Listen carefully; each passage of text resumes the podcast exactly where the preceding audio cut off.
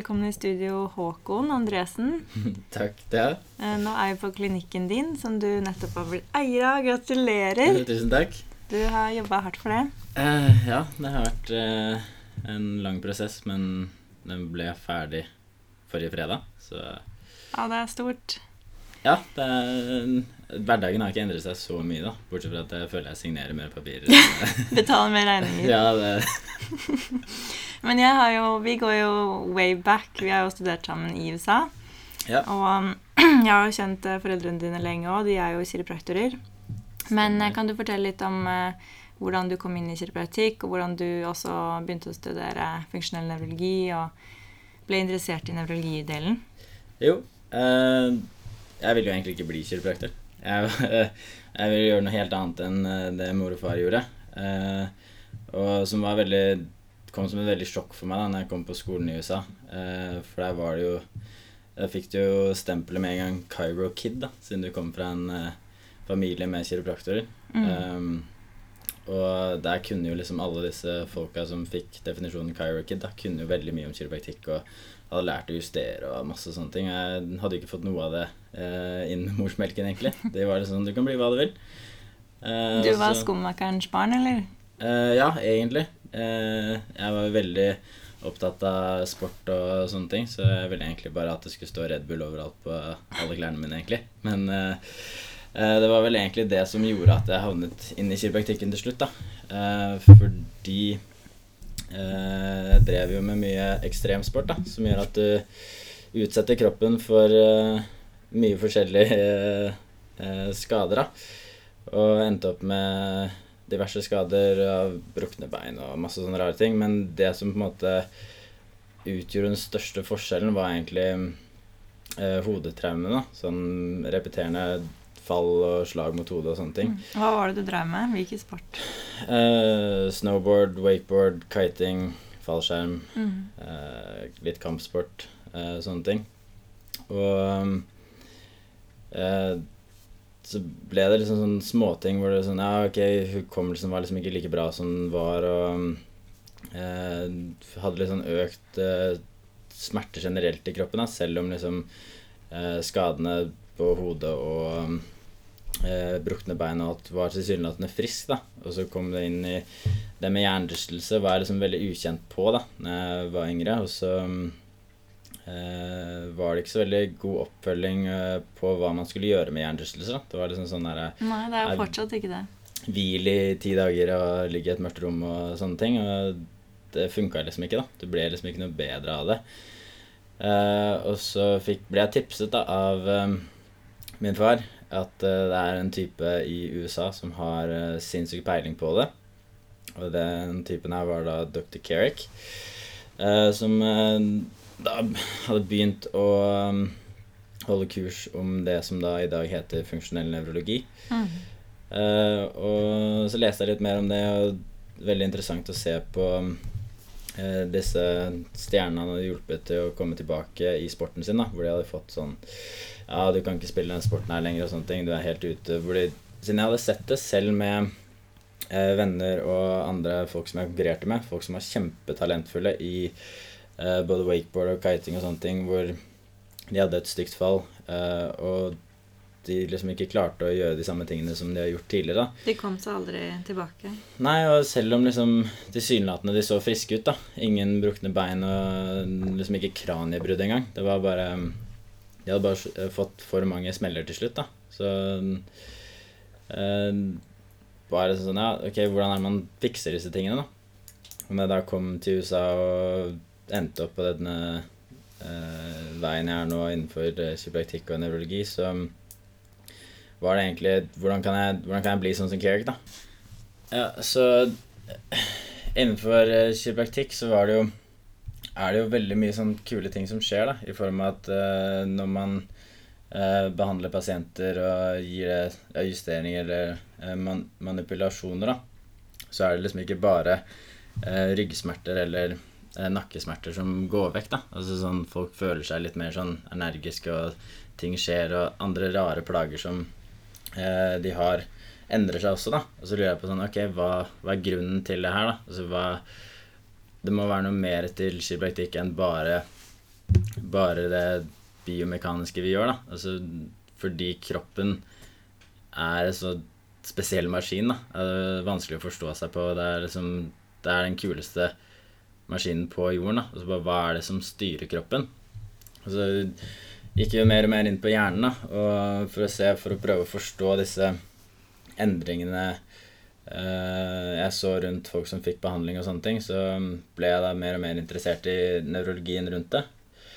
Og så hele min basis på kiropraktikk ligger liksom rundt nevrologi, da. På hvordan kan jeg optimalisere hjernen, og hvordan kan eh, du få ting til å fungere bedre. For tilsynelatende så er det hjernen som styrer alt, da. Så hvis du klarer å skape harmoni i hjernen, da, så eh, vil veldig mange andre rare plager forsvinne, da. Så ja, det er egentlig det jeg prøver å oppnå med alle pasientene som kommer inn. Da. Jeg prøver å fortelle dem at eh, det er ikke sikkert plagene dine ligger akkurat der hvor du har vondt. da. Mm. Eh, og da blir det jo veldig fort et sånt oppfølgende spørsmål hvorfor, hvorfor det, liksom. Det er her jeg vondt, hvorfor behandler du en annen del av kroppen min? Uh, og eh, jeg ser veldig ofte at eh, pasienter er ganske smarte. Da. De får med seg det du sier, så lenge du forklarer det til dem hvorfor de gjør det. Uh, og det tror jeg er veldig viktig da, for at uh, de skal få forståelse på hvordan um, behandlingsforløpet foregår. Da. Ja, og jeg pleier å si det som Fordi alle vet at man kan ha vondt i venstre arm og ha et hjerteinfarkt. Um, alle vet ikke at man kan ha vondt i venstre skulderblad og ha problemer med gallen. Mm. Men det er derfor vi har en utdannelse som er, er over mange år, for ja. å lære de her tingene og se at det, det er ikke alltid der hvor du har smerter eller der hvor du har dysfunksjon, ja, som problemet har oppstått. Mm.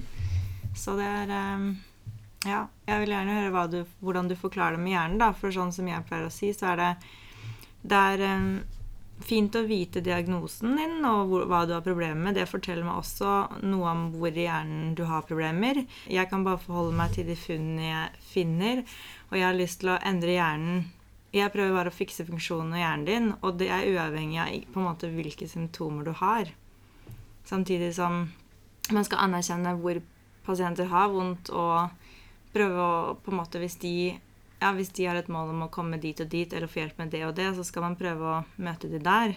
Jo, det, det, det jeg ofte ser, er at eh, Sånn som jeg også ble fortalt, da, som er veldig, veldig viktig, fordi man Uh, man kan alltid fikse på noe ikke sant? når en pasient kommer inn. Så, og selv helt friske pasienter uten smerter eller plager kan også få nytte av uh, all mulig rar behandling. ikke sant? Mm.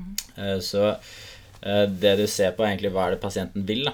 Mm. Det er Hovedfokuset er sånn hva vil du ha bedre? Så det er jo veldig ofte at en behandler har et helt annet formål på uh, hva som skal bli bra, enn det pasienten ønsker. Da. Så det er mm. veldig, veldig viktig å uh, spørre om. Da. Så det er på en måte alltid det avsluttende spørsmålet i um, undersøkelsen min, som da er lang, og vi kommer sikkert tilbake på akkurat hvordan det går, da. Men så hvis vi tar det fra starten av, så prøv Når en pasient kommer inn til meg, så har jeg jo Jeg ser jo ikke helt vanlige kiropraktorpasienter, da.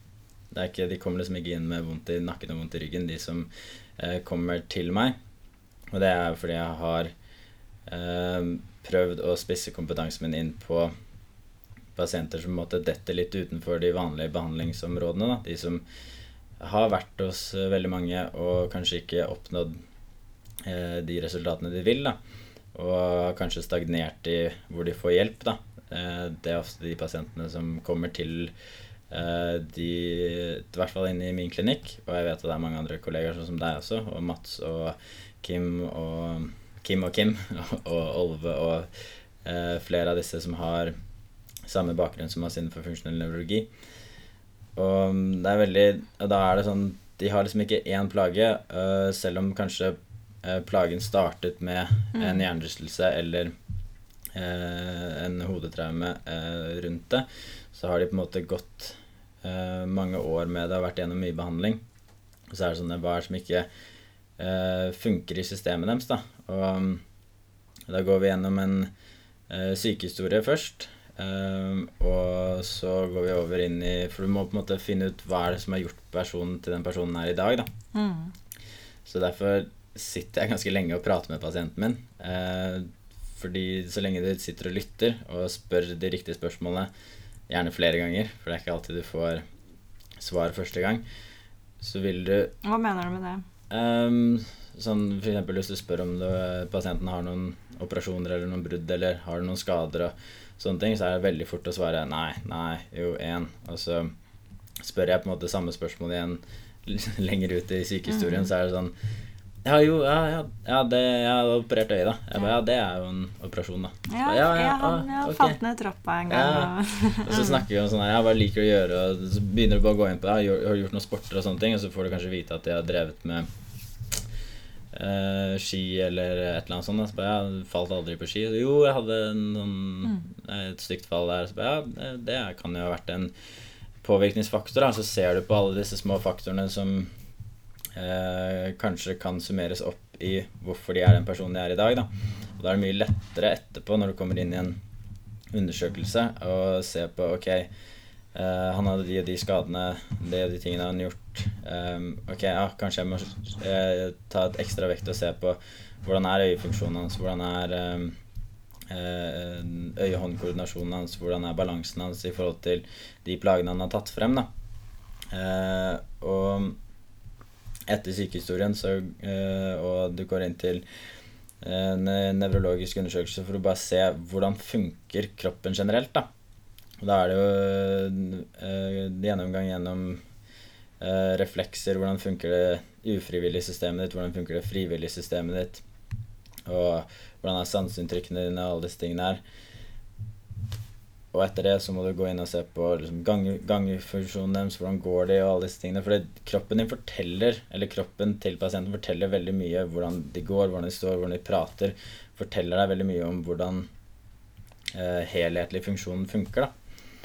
Og så har vi noen sånne fancy briller som gjør at vi kan gå litt mer inn og se på mer spesifikke områder i hjernen, da, i form av mm.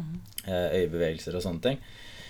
Eh, og så er det en jeg, jeg, pleier å tenke at eh, ja, hvor mer du kan om hjernen og kroppen, eh, og hvor mer du tester en pasient, hvor mer eh, på en måte detaljert bilde får du over hvordan den personen har det og fungerer. Og da kan du være enda mer spesifikk i terapien, da? Jo, jeg får jo sånn kommentarer noen ganger. da, Bare ta to timer å være på en førstegangsundersøkelse. Så ja, men jeg har jo ingen relasjon til den eh, personen som kommer inn til meg. Mm. Eh, og for å eh, utgjør, utføre best mulig behandling på den, så må jeg på en måte klare å skape et bilde av den personen. Da. Og da kan jeg ikke bare gå inn på og se på hva som ikke funker.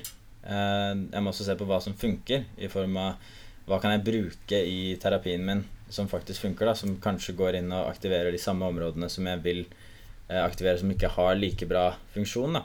Mm. Eh, for det er jo veldig mange veier inn til hjernen, eh, som dere har snakket om masse i de forskjellige andre eh, podkastene dere har hatt, hvor eh, dere tar for dere liksom paritallappen og frontallappen og midtjernen og alle disse tingene her. Det er veldig mange forskjellige eh, avkjørsler inn til disse områdene. Da. Så da må du finne ut Ok, kanskje du har et problem i midtjernen, Da. Eh, og så lurer du på hvordan kan jeg komme inn til midthjernen. Så bare ja, de er lysskye og sånne ting. Fordi lys er en ting som går inn til midthjernen. Så sånn, ja, hvis de er lysskye, så kanskje jeg ikke skal drive med lysterapi på de da. Nei. Fordi det systemet Den veien inn til systemet funker ikke eh, å bruke. Så da må jeg bare Ok, ja, hva annet kan jeg gjøre? Jo, cerebellære øvelser lillehjernen. Så hvis jeg gjør koordinasjonsøvelser Det går også inn til midthjernen. Eh, men den treffer cerebellumen først, så kanskje da den aktiveringen midthjernen får etter den har vært innom cerebellumen, ikke er like stor som når du da lyser rett inn. da, For det er liksom en kortere vei inn til midthjernen. Så det er sånne ting som man Så det du tar hensyn til, er jo um, hva pasienten tåler, og hvor mye du kan fyre systemet uten at en uh, ja, at du får en progresjon uten at pasienten krasjer. Jeg prøver å forklare det litt enklere det du sa nå med hvilke, at det er ulike veier inn i hjernen. da. Mm. Og hvorfor Hvis noen har dårlig balanse, hvorfor skal man ikke alltid gjøre balanseøvelser? Uh, for det er litt sånn her Hvis du er dårlig på noe, så betyr det ikke at du, hvis du gjør den mange ganger, at du blir bedre. Ofte så er det det, da. Hvis du bare repeterer det, så kan du bli bedre. Men eh, det kommer litt tilbake til det jeg sa litt i sted, at eh, du har bare pasienten i viss tids, et visst tids, tidsrom før du kan få den bedre. da, ikke sant? Så når, Det er det hovedtingen da, når jeg er ferdig med hele undersøkelsen, er liksom sånn Av disse tolv problemene du kom inn med, da, Mm. hva du helst vil ha, øh, øh, ha hjelp til. Og dette lærte jeg i USA, da, at eh, sånn, du, må, du må få det de mener er viktigst for dem. da. For, for eksempel hvis du har en pasient som kommer inn, er supersvimmel, har tremor i høyrehånden og um, eh, sliter med å se til venstre. da. Han, sliter med, han har dårlig syn når han ser til venstre. Og så spør du da, jeg bare, hva, hva er det du vil ha fikset? Jeg bare, nei, jeg vil gjerne ha bort den ristinga i hånda mi. da. Så er det sånn her, ja, men svimmelheten er jo ganske viktig å få på plass. da. Du klarer jo omtrent ikke stå, stå oppreist hver gang du reiser deg eller snur hodet fort, så blir du svimmel at du må sette deg ned. Men nei, det er ristinga i hånda irriterer meg mest da, når jeg spiser. Det er det, det er det jeg bryr meg mest om. Og da er det sånn, ok, ja, da må vi kanskje prøve å få fikset denne tremoren, da, som er førstepri. Og så kan du heller, når du har opp, eh, oppnådd dette eh, samarbeidet med pasienten, som du viser at ja, vi, du er i fokus, og det, er, det du vil ha fikset, er det du skal Altså det du kommer inn for, eh, skal vi prøve å forbedre. Men da er det også viktig å si at det kan hende vi er nødt til å fikse på de andre tingene for å få den bedre. Men så lenge du har fått den ene tingen litt bedre, så er det også større sannsynlighet for at du får lov til å jobbe med disse andre tingene, som er utrolig viktig å få på plass. da. For der tror du mange terapeuter gjør feil, eller?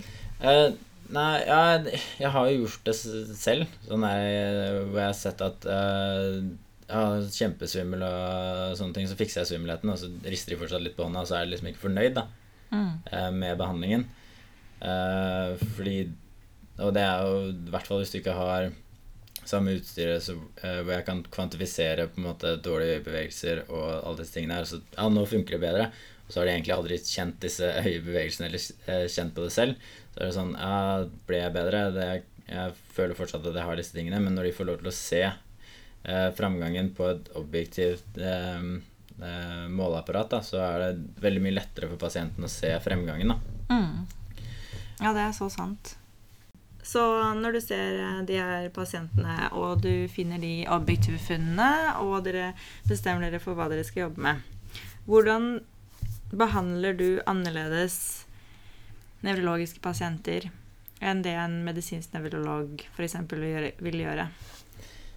Uh, nei, så jeg føler jeg liksom ikke er bundet i en uh, diagnose, da. Så jeg, jeg Som du fortalte tidligere, så er det viktig å, å anerkjenne diagnosen, fordi det gir deg en peilepinne på områder som kanskje ikke fungerer optimalt. da. Men eh, i forhold til eh, diagnoser så prøver jeg ikke å gi pasienten min en diagnose, for jeg har ikke lyst til at de skal ha noe å holde seg fast i. Um, jeg vil bare fortelle at dette området funker kanskje ikke like bra, og så skal vi se om vi kan aktivere det. Eh, så eh, annerledes er Jeg gir pasientene mine bare to muligheter. Da. Eh, de får ikke bestemme behandlingsforløpet sitt selv, og det går ut på at for at jeg skal kunne med best mulig sikkerhet si at vi kan oppnå de resultatene vi ønsker, så, så må jeg på en måte legge opp et behandlingsforlag som tillater det. Og da har eh, jeg sett og lært ut ifra eh, de tingene jeg har lært eh, i studie- og praksistiden min, at hvis du øker intens intensiviteten på noe, så For det første så er det ingen som har lyst til å være i behandling evig. De færreste har lyst til å være i behandling eh, i det hele tatt. Og jeg har vært gjennom en del behandling selv, da, så jeg har opplevd mye forskjellig. Og de gangene jeg har hatt best resultater på meg selv, eh, som jeg har følt, er liksom når jeg har fått et ordentlig opplegg hvor det har vært litt høyere intensivitet på ting. da. Så eh, etter den lange undersøkelsen så får du to eh, muligheter. Det er enten en intensiv uke med behandling, hvor du da møter opp klokka åtte på morgenen og drar klokka tre-fire på ettermiddagen. Eh, som fortsetter i fem dager. eh, til eh, fredagen hvor vi gjør nye evalueringer for å se har vi oppnådd disse resultatene vi vil. Er det noe annet som vi ikke har klart å endre på? Og så er det en drøss med hjemmeøvelser spesifikt for de plagene som fortsatt eventuelt ikke er helt optimale. Hvor du da sitter hjemme og jobber i en seks uker med kommunikasjon via mail og eh, telefon og sånne ting for å passe på at eh, ting blir gjort riktig, og hvis det er spørsmål. Så er det da en ny oppfølging etter seks uker for å se ja, er vi i mål.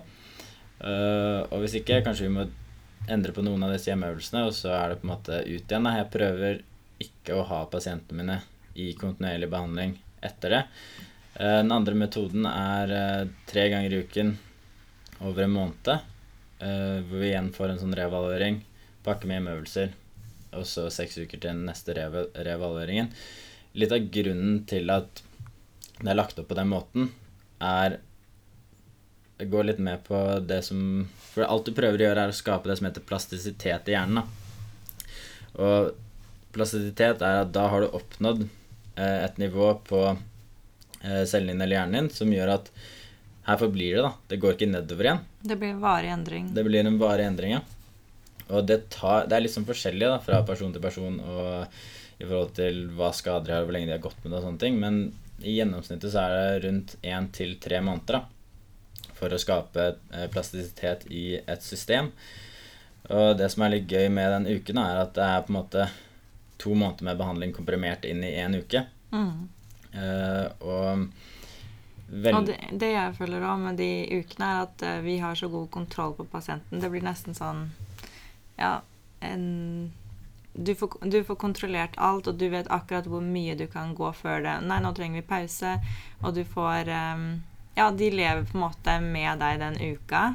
Og du kan nesten kontrollere når de skal sove, spise, ta pauser, eh, går på do, da Men, men det blir sånn, en sånn minisunnos, da. Og da er det klart at det er da, det er da du får de endringene det er, da, altså det er da jeg får best resultater. er når, du, når vi tar den intensiteten, og vi får gjort så mye hver dag. Det er klart at det blir endringer da.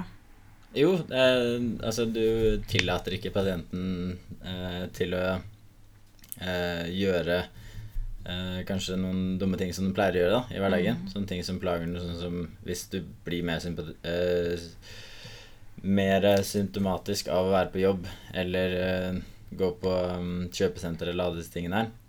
Det blir på en måte et veldig stort fokus rundt Ok, nå har jeg én uke, og så det er litt sånn som Skal du gå på en diett i seks måneder, eller skal du gå på en shred i ti uker?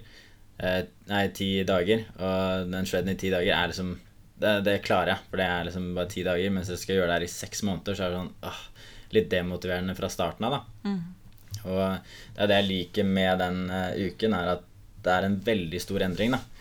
Uh, fordi nettopp vi har muligheten til å se på endringene hele tiden. Det er ikke sånn at du jobber fra åtte til tre uten pauser. Ja. Det er liksom en halvtime på, en halvtime av, halvtime på, en halvtime av. Og hvor mange ganger har du ikke sendt hjem øvelser med pasienter, eh, og så har de funnet på noe helt annet, eller Jo, og det er også en um, Det er også en vanskelig ting, da, for uh, det å i en uh, klinikkhverdag, så er det jo ganske mye trøkk da, inne på eh, forskjellige klinikker. Det er liksom ikke Det er ikke så mye pauser mellom eh, pasienter og sånne ting. Så hvis du liksom sier ja, bare gjør den øvelsen her, eh, snup i huet fem ganger den veien, og så opp og ned, og så ser du på fingeren din, og så gjør du det her. Ja, så gjør du det tre ganger om dagen, og så kommer du tilbake om to dager.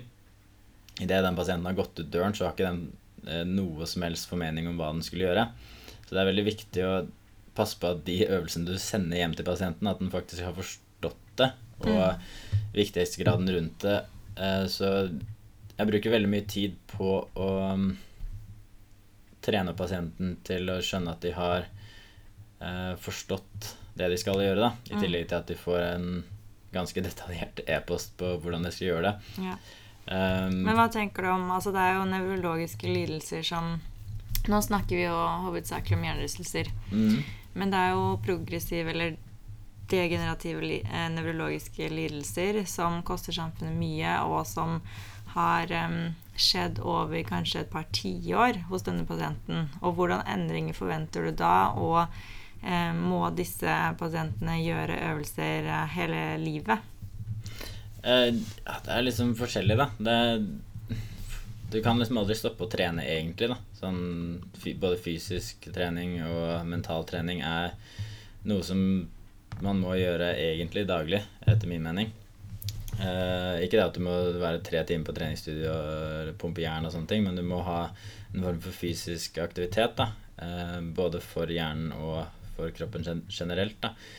Og hvis du tar akkurat de du snakker om med eh, litt sånn degenererende eh, hjernesykdommer og ting som eh, Ja, så parkinsonisme eller eh, MS eller Jo, og da går du inn på at ok, hva er det som funker i systemet deres, da?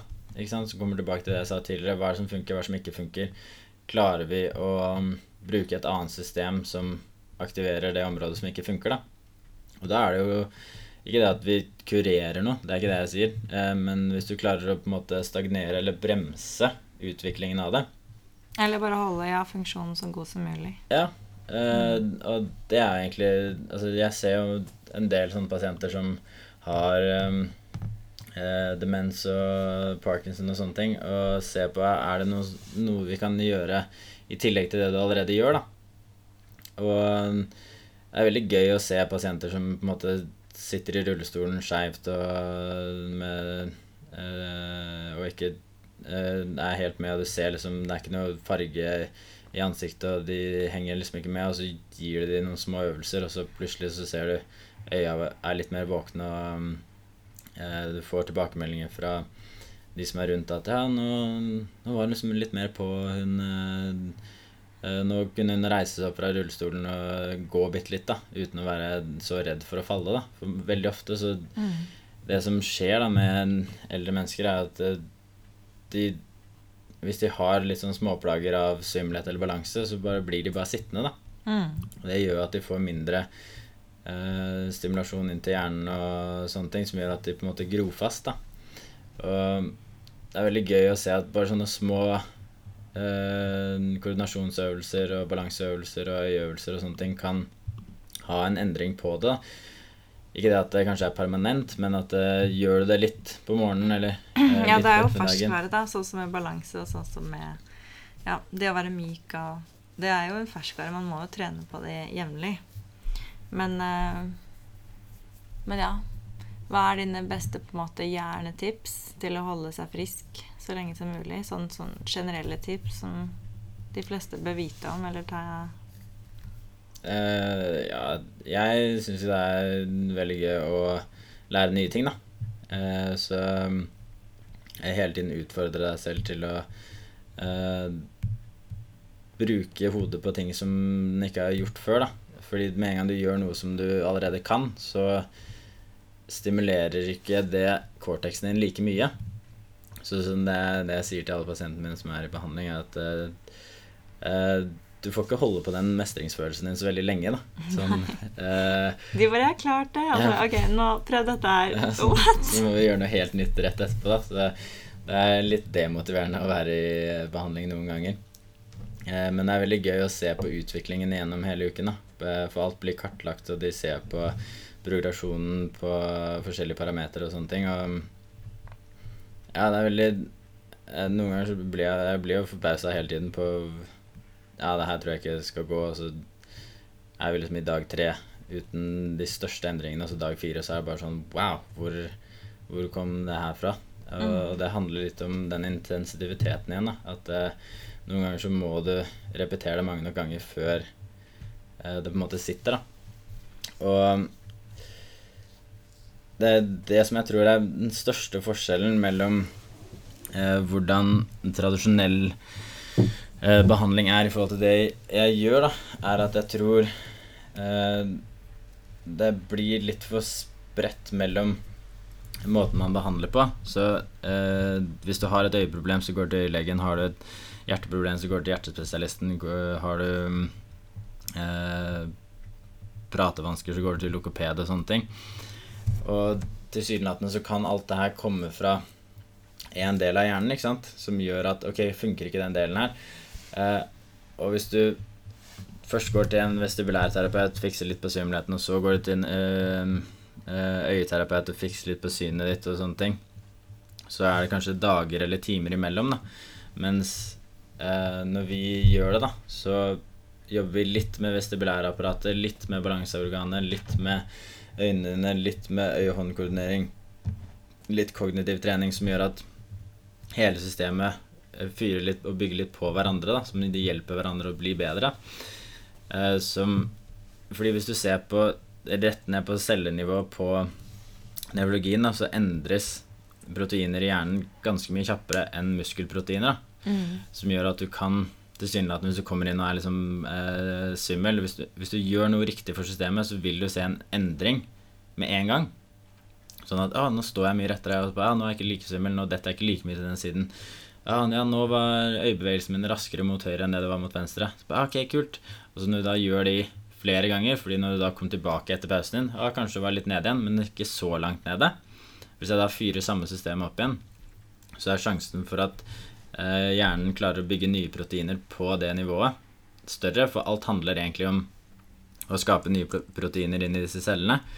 For det holder, den, det holder cellen stabil, som gjør at den ikke fyrer feil. da eller fyrer for, for lite stimuli eller for mye stimuli og sånne ting, som gjør at systemet eh, funker sånn som det skal. Da. For det som ofte skjer i en f.eks. en hjernerystelse, hvorfor folk får eh, lys og lydskyhet og sånne ting, er ofte fordi hjerneceller trenger tre ting for å overleve. ikke sant? Den trenger oksygen, eh, stimulasjon og eh, energi som den får fra mat.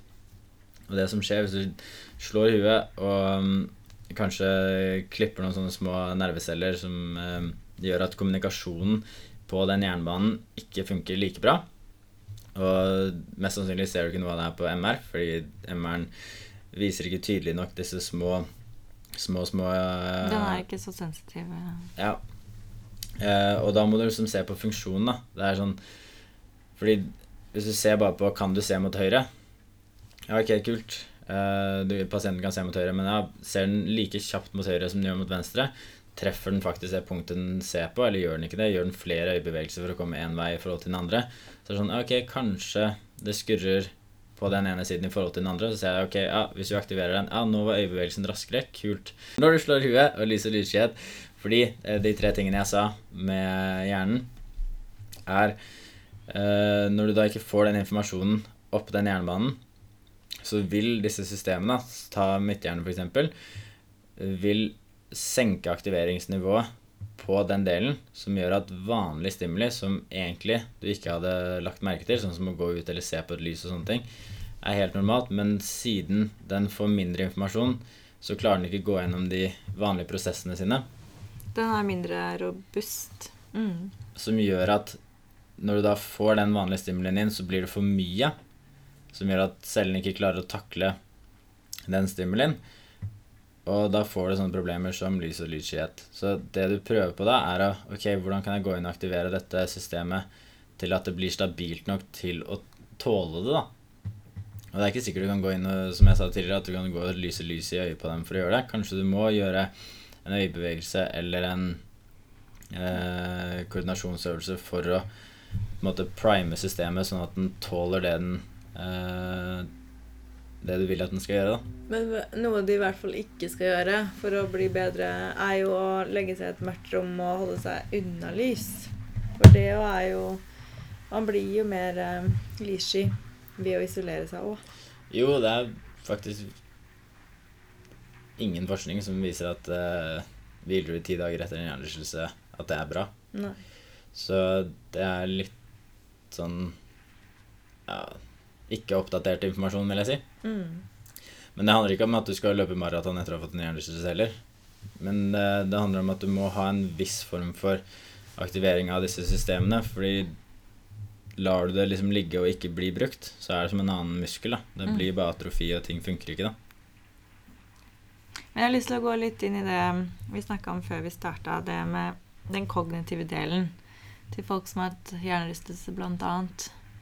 Eh, og hvordan det er et av de systemene som blir påvirka mest, og hvorfor, og hva du tenker i forhold til postkomotesyndrom der. Ja, det er veldig interessant nå uh, i litteraturen i hvert fall. Da. Så når du kommer inn til den kognitive delen av det, så uh, er det veldig interessant det de sier om den delen av hjernen din som heter dorsal lateral prefrontal cortex, som ja, jeg vet ikke på norsk er Dorsolaterale prefrontale cortex. Veldig bra, Thea. I frontallappen. Mye, mye flinkere i norsk uh, medisinsk uh, språkbruk enn det jeg er. Um, men da, det er veldig interessant, fordi de uh, leste en studie på, som så på folk med sånn høy, høy depresjon. Og det, hvilken del av hjernen er det som ikke funker like bra Eh, med folk som er veldig veldig, veldig deprimerte. Og det Var det folk som hadde hatt en hjernerystelse òg, eller bare som var deprimerte? Nei, det her var generelt bare folk som var deprimerte. Okay. Eh, hva depresjonen kom av, var ikke, eh, var, ikke, var ikke, spesifisert. Men av alle disse så var det en stor andel klarte ikke aktivere akkurat den delen i hjernen da, i frontallappen. Dorsallaterale prefrontale cortexen, som du nettopp sa. Um, og hva, hva, er viktig med den? Kan du fortelle litt om den først? Altså, det er egentlig I min verden da, så er den alfa og omega eh, i form av eh, velvære og alt mulig rart, fordi den snakker med limbic-systemet ditt, som er følelser. Den jobber med arbeidsminnet ditt, den jobber med eh, forståelse og kommunikasjon, og det det er, så mye som går gjennom den delen av hjernen din, da, i form av øyebevegelser og ja, det, det er en av mine favorittområder i, i hjernen. Mm. Og eh, det som var interessant med det, var at samme ser de også i folk som får eh, da postkomotio eller følgetilstander etter hjernerystelser. For det er ikke alle som får følgetilstander etter hjernerystelser, men de som får det, sliter med å aktivere samme delen i hjernen. Mm. Så er, Så hva var det med denne studien? De hadde pasienter som var, hadde hatt en depresjon. Mm. Og så så eh, akkurat for å ta den studien Jeg skulle egentlig gå inn på noe annet, men vi fortsetter på den. Fordi eh, det, de, eh, det, de, hadde tatt, var at de hadde hatt folk som var deprimerte, og så hadde de folk som eh, hadde vært deprimerte, men hadde blitt frikjent Eller frikjent for depresjon. Eh, friskmeldt. fra, friskmeldt fra eh, depresjon i over tre måneder. Sånn at tilsynelatende, når de gjorde sånn depresjonsskala-rating, at de var eh, like eh, friske som folk som ikke aldri har vært deprimerte.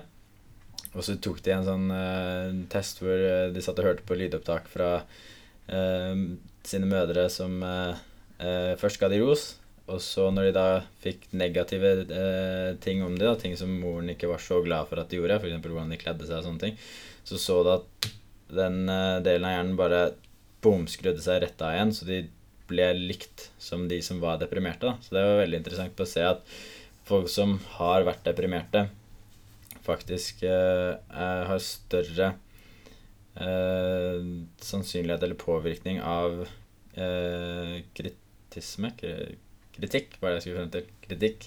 Så hvis du får kritikk, og du har vært deprimert noen gang, så kan det hende at eh, den personen ikke ta, takler det like bra som en person som ikke har vært deprimert. Da. Og det kan være fordi, hvis du tenker funksjonell nevrologisk sett, at de har for dårlig aktivitet, eller um, basalaktivitet, i den delen av det prefrontale cortex. Ja, at den er for ustabil. Ja, det er ikke sikkert den er stabil nok for å takle det.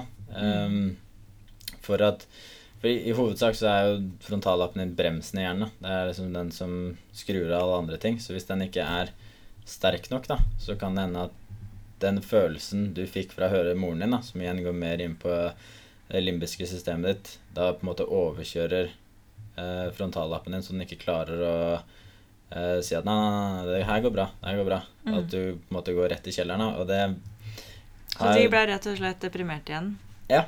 Men de var, var ikke i depresjonen like lenge, da. Men det var sånn Ikke det at de Det var ikke sånn at de bare åh, nå ble jeg deprimert. Men eh, faktum at det ikke at den delen av hjernen gikk ned, gjør at hadde de fått det lenge nok, flere noen ganger etter hverandre, så kunne det godt hende de gikk tilbake i depresjonen. Mm.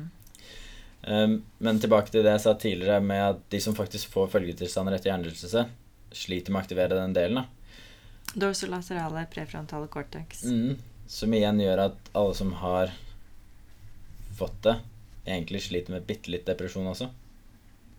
Som er veldig interessant, for jeg, jeg har kjent på det selv, da, etter eh, nok eh, hodetraumer på de rare sportene jeg har gjort, da. Så var det spesielt den ene hvor um, de sa at jeg aldri kunne gjøre sportene mine igjen, da. Uh, slår du hodet en gang til, så får du permanent hukommelsestap, og det Ja, du omtrent havner i rullestol da, resten av livet, og da var det sånn Wow, jeg får ikke lov til å stå på snowboard igjen. Jeg får ikke lov til å gjøre disse tingene. Mm. Og jeg tror det hadde en nesten større innvirkningskraft enn skaden min. da. Mm. Så det gjorde på en måte at Fordi alle de andre gangene hvor jeg har slått hodet, så har jeg liksom vært på ah, dobbel baklengs. Ja, du landa nesten, Håkon. Og så Jeg har alltid hatt på en måte en sånn positiv stimuli rundt skadene, skaden. Ja. Som jeg tror eh, eh, mange ikke helt eh, kobler da, rundt at eh, Fordi det er helt annerledes. For jeg har sett pasienter hvor, som har kanskje én hjernerystelse, eller to, og jeg har hatt x antall flere enn de selv. da. Mm. Og uh, bare den ene snudde hele verden deres på hodet. da. Mm. Og det er sånn, ok, hva annet var det som gjorde at uh, de havnet så langt ned, da? Hvorfor var de mer sårbare? Mm. Og kanskje det var fordi de var i en bilulykke, og så var det dødsfall i den bilulykken. da, Så alt rundt det er en negativ. Ladet uh, følelse. Mm. Og det igjen påvirker det området dårlig, da. Det dorsolaterale prefrontale Mm. cortex, ikke sant? Så Mm. derfor er det veldig mye av den uh, rehabiliteringen jeg gjør da, i, uh, i uh, behandlingen, handler om ok, kan vi aktivere den, den delen, kan vi få den på?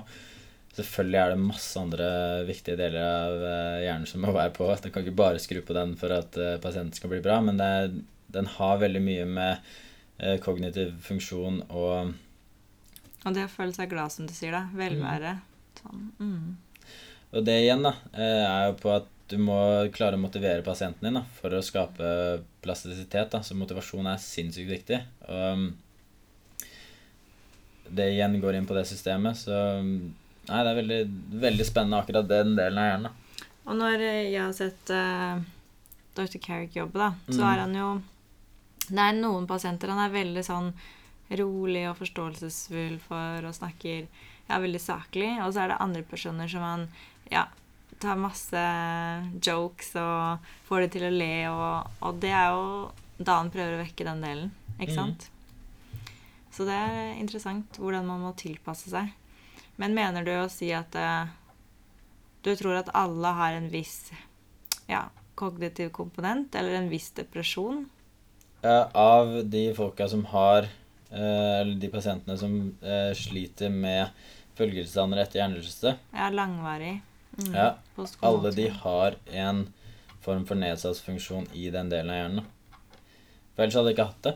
Du, du får ikke følgetilstander etter hjernerystelse uten å få en nedsatt eh, funksjon i den delen av hjernen.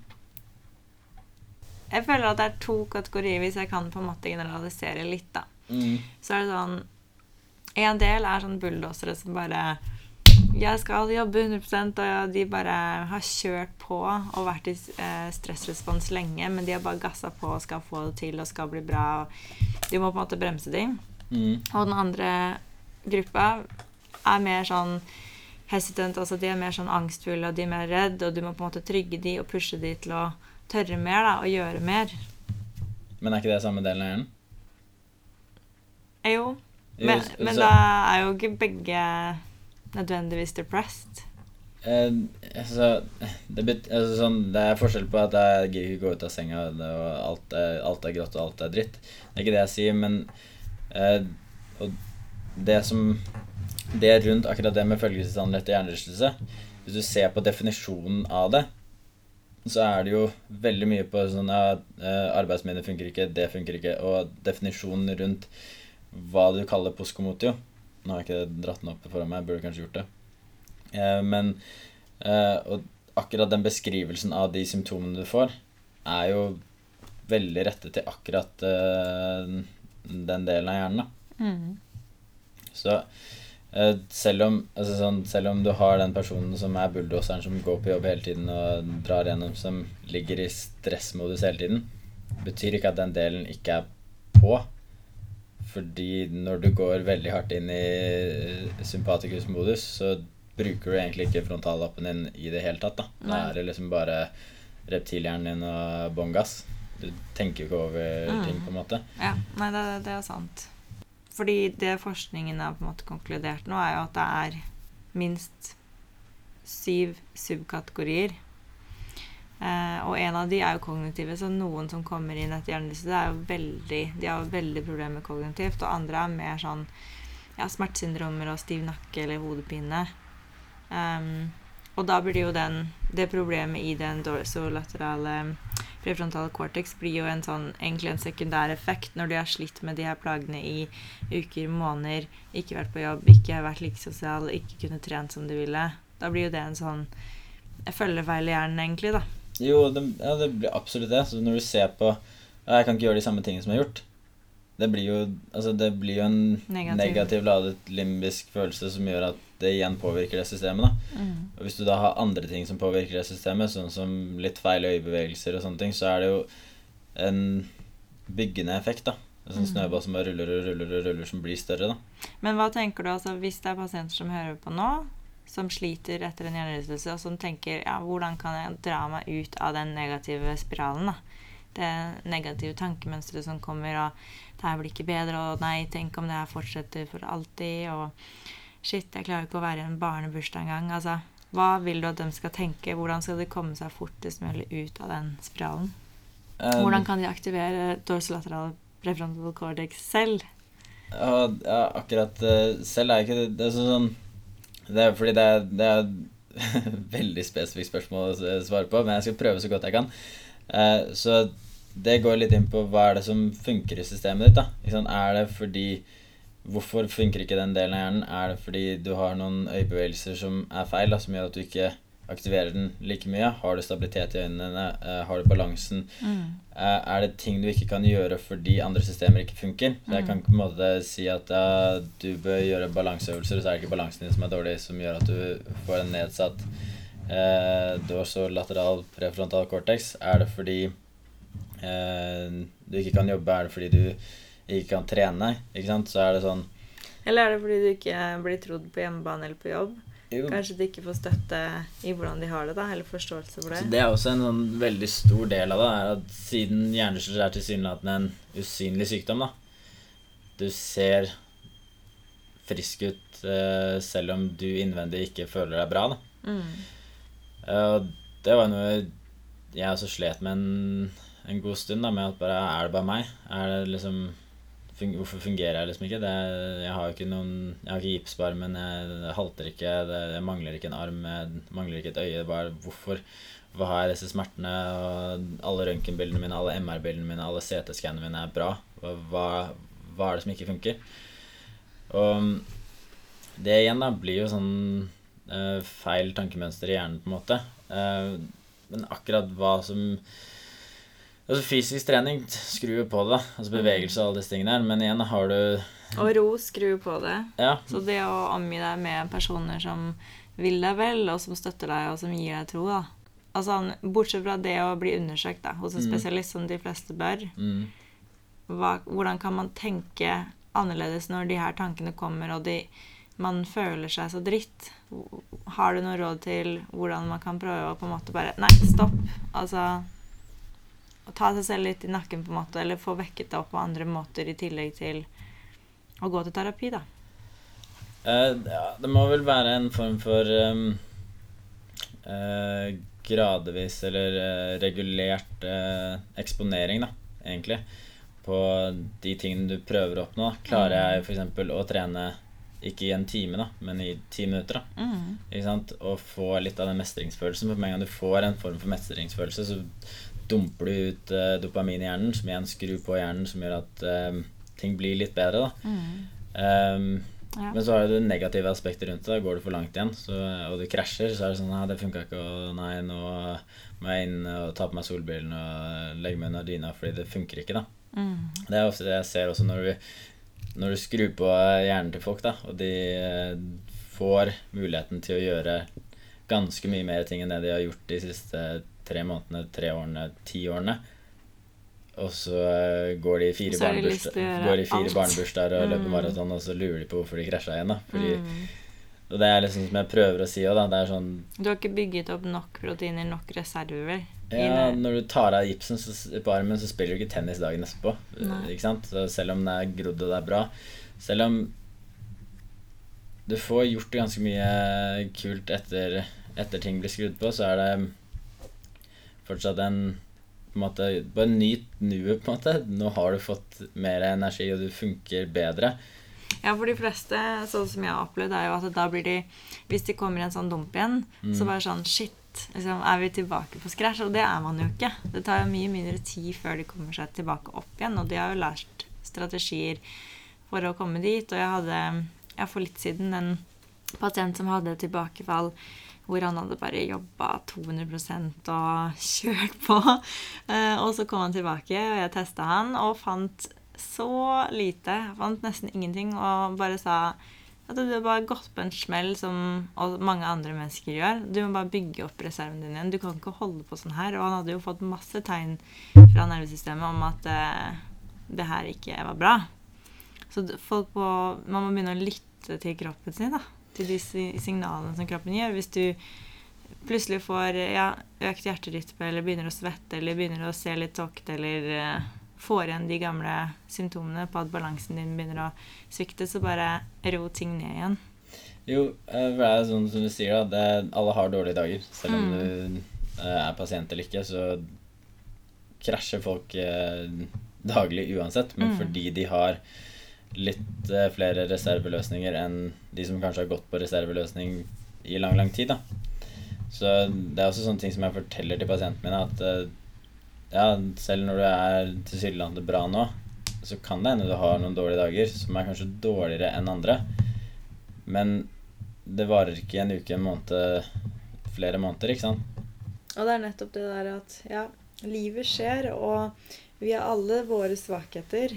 Eh, og vi må bare bli, komme i mer kontakt med å se de varsellampene og, og, og gjøre self-care. For det er vanskelig selv for Altså For meg, som vet så mye om helse, så er det sånn Ok, jeg må trene, jeg må sette av tid til behandling, jeg må gjøre ting som jeg må godt spise jevnlig, prioritere søvn. Og det som mange gjør når de har fått en hjernerystelse, er jo at de hele tiden De glemmer jo at ja, normale folk også må gjøre den jobben med å balansere energien eller å eh, Ja.